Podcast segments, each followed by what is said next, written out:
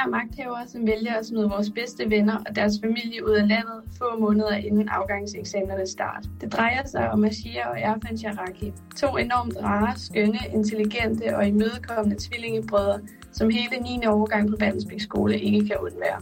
Selina Holmegård læser et brev op. Det har hun skrevet på vegne af hele 9. årgang på Vallensbæk skole, som lige nu kæmper en sidste kamp for at beholde deres to klassekammerater. De er sammen med deres familie udvist, og senest den 4. april, der skal de rejse tilbage til Iran. Det er dagens udsendelse af Indsigt. Mit navn er Thijs Eriksen. Tvillingerne Erfan og Ashia, de starter i 6. klasse på Vallenbæk skole en augustdag for fire år siden. De var lige landet i Danmark to måneder forinden sammen med deres mor og far. Faren, som er uddannet læge, han har søgt om en særlig opholdstilladelse for læger og fået midlertidig ophold med familien her i Danmark. Men for at få lov til at behandle patienter eller på anden måde bruge sin profession her til lands, ja, så skal han altså bestå en dansk sprogtest, både skriftligt og mundtligt. Faren han får karakteren 10 i mundtligt dansk, og så får han karakteren 4 i skriftligt dansk. Men det er altså ikke nok, for reglerne de siger nemlig, at man minimum skal bestå skriftligt dansk med et syvtal. Og derfor så får familien et udrejsebrev ind ad døren, og det gør de den 4. marts i år. Og i det brev, der står der altså, at de ikke længere kan få forlænget deres opholdstilladelse. Og derfor så har de en måned til at forlade Danmark. I denne episode af Indsigt, der forholder vi os ikke til afgørelsen om den her opholdstilladelse.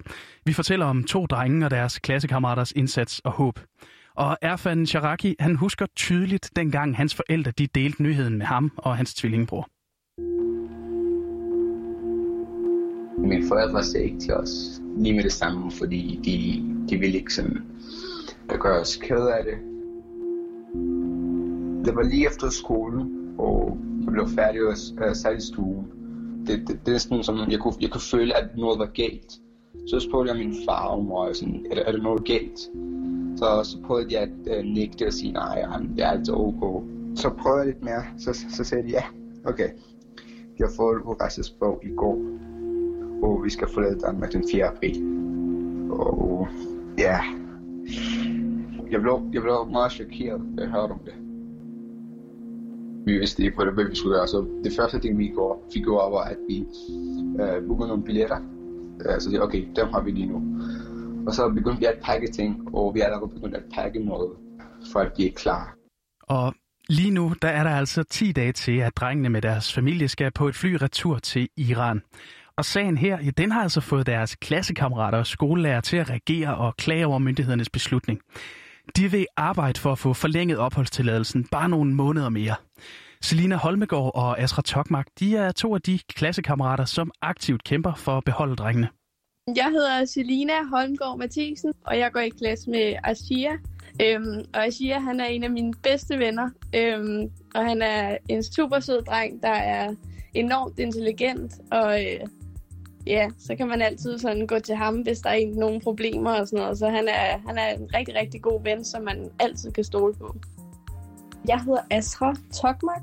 Øh, jeg er 16 år gammel, og jeg går i klasse med Ashia. Så tænkte jeg, uh, jeg er god til sociale medier, lad mig øh, oprette en Instagram-profil. Øh, og så kom jeg også hurtigt op med navnet Red Mine Venner. I starten af videoen, der er så også et billede af øh, familien, og så slutter videoen af med, at øh, der står red mine venner. Jamen, der er sådan cirka øh, 10 stykker med, eller sådan noget, og vi viser øh, et skilt, hvor der står, at Erfana siger, at de skal blive i landet, og så har vi så skrevet hashtagget nedunder, Øhm, og det kører sådan med forskellige elever, som står og viser det her skilt, og så ser vi sådan meget alvorlige ud. Så det er sådan, man er klar over, hvad budskabet er. Vi synes bare som klasse, øh, at, det, at det er så uretfærdigt, fordi hvorfor får de ikke lov til at blive, men alle andre, som måske ikke øh, er integreret, at de, at de får lov til at blive. Vi vil overordnet gerne opnå, at de kan blive her som minimum de her par uger, indtil de kan få lov til at afslutte deres øh, 9. klasses afgangseksamen. Og øh, Selina, Asra og de andre elever fra 9. årgang, de har skrevet det åbne brev, som vi hørte i starten, og så har de delt det på deres Instagram-konto Red Mine Venner. Og så bruger de hashtagget I Danmark skal de blive. Også flere lærerne på Vallensbæk skole er gået ind i den her sag, og en af dem, der er det, det er Frank Meier, som er Erfans klasselærer. Jeg har været lærer på Vandensbæk skole i 35 år faktisk. For øh, tre år siden, der fik jeg de to drenge. Den ene har jeg kun i idræt, fordi han går i parallelklassen. Han hedder Ashia. Men Erfan, ham har jeg været klasselærer for i de her tre år. I min år på, på, på skolen er det måske top 3 af de allerdygtigste elever, vi nogensinde har haft. De vil havne på den aller, aller øverste hylde. De vil blive forskere begge to. Øh, I både 7. og 8. klasse blev de begge to udtaget til at, at følge et forløb på DTU for særligt udvalgte, særligt dygtige elever. Og øh, her til sommer, der skulle brødrene altså så efter planen afslutte deres afgangseksamen fra folkeskolen. Og øh, derefter, der ville Erfan altså starte på HTX. Jeg håber rigtig meget, at vi får i hvert fald lov at slutte 9. klasse her. Og at sige et øh, ordentligt øh, farvel til, til mine venner i hvert fald. Men eksamensbevis har jeg det lidt nemmere i Iran, hvis jeg skal tilbage og, og fortsætte uddannelse. Og den anden grund er, at øh, hvis jeg nogensinde kommer tilbage til Danmark, så har jeg et eksamensbevis for, for 9. klasse, så er det nemmere for mig at tage en videregående uddannelse. Og øh, det som Frank Meier her og øh, 9. årgang på Vallensbæk skole, de gerne vil opnå med deres kampagner og deres klager for drengene, det er altså ikke nødvendigvis en omstødelse af udvisningen, for regler, det er jo regler. Men de mener altså dog, at man bør beholde familien lidt endnu her i Danmark. Men jeg kan også godt se, at der er nogle regler selvfølgelig. Altså faren er kommet herop for, fordi han gerne vil praktisere sin lægegærning herop. Øhm, og det står og falder med det. Så er der så to børn, der kommer hårdt i klemme nu. Ikke? Og så mener jeg, at de her to drenge skal have lov til at, at øh, afslutte deres FSA-eksamen øh, øh, som det mindste.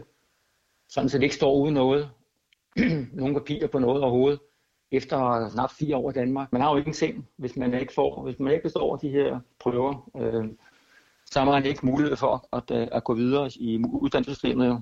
Og FSA, som Frank nævner, det er folkeskolens afgangsprøve. Og øh, drengene her og deres familie, de har altså været klar over, at de godt kunne risikere ikke at få forlænget deres opholdstilladelse, som det er sket her. Altså, vi vidste godt, det, der var en chance, at vi, vi bliver sendt tilbage. Men vi forventede, at det ville komme tidligere, så vi havde sådan lidt, øh, lidt mere forberedelse. Da der kom ikke nogen svar, så troede vi, at ja, så må vi blive en på igen i seks måneder. Men så lige pludselig kom det ud af det blå.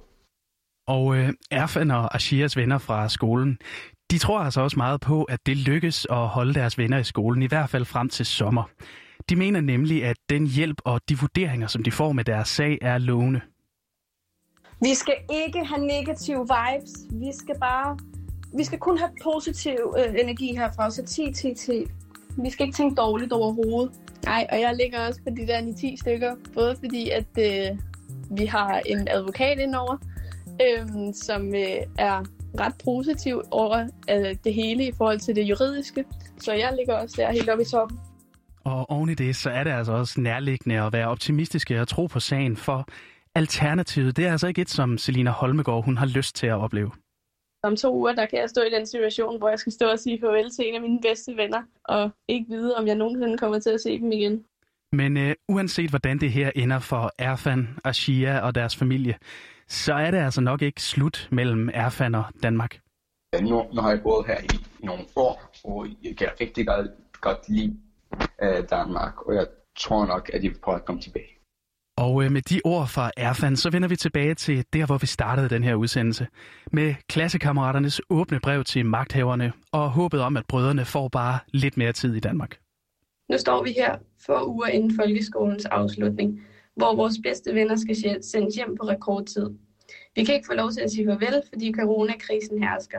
Så kære regering, kære politikere, kære børnenes statsminister, som du selv kalder dig, vil du tage ansvar vil du ikke redde, redde vores bedste venner, så vi kan beholde dem? Og øh, eleverne er altså ikke de eneste, der har sendt et åbent brev. Også drengenes lærere har sendt et brev, og det har de altså stilet direkte til udlænding- og integrationsminister Mathias Tesfaye. Men han har ikke ønsket at kommentere på brevet. Og med de ord, så nåede vi altså til enden med dagens indsigt. Det her program, det var tilrettelagt af Rassan El Nakib, Laura Brun og Tobias Hegård. Mit navn, det er Tejs Eriksen. Tak, fordi du lyttede med.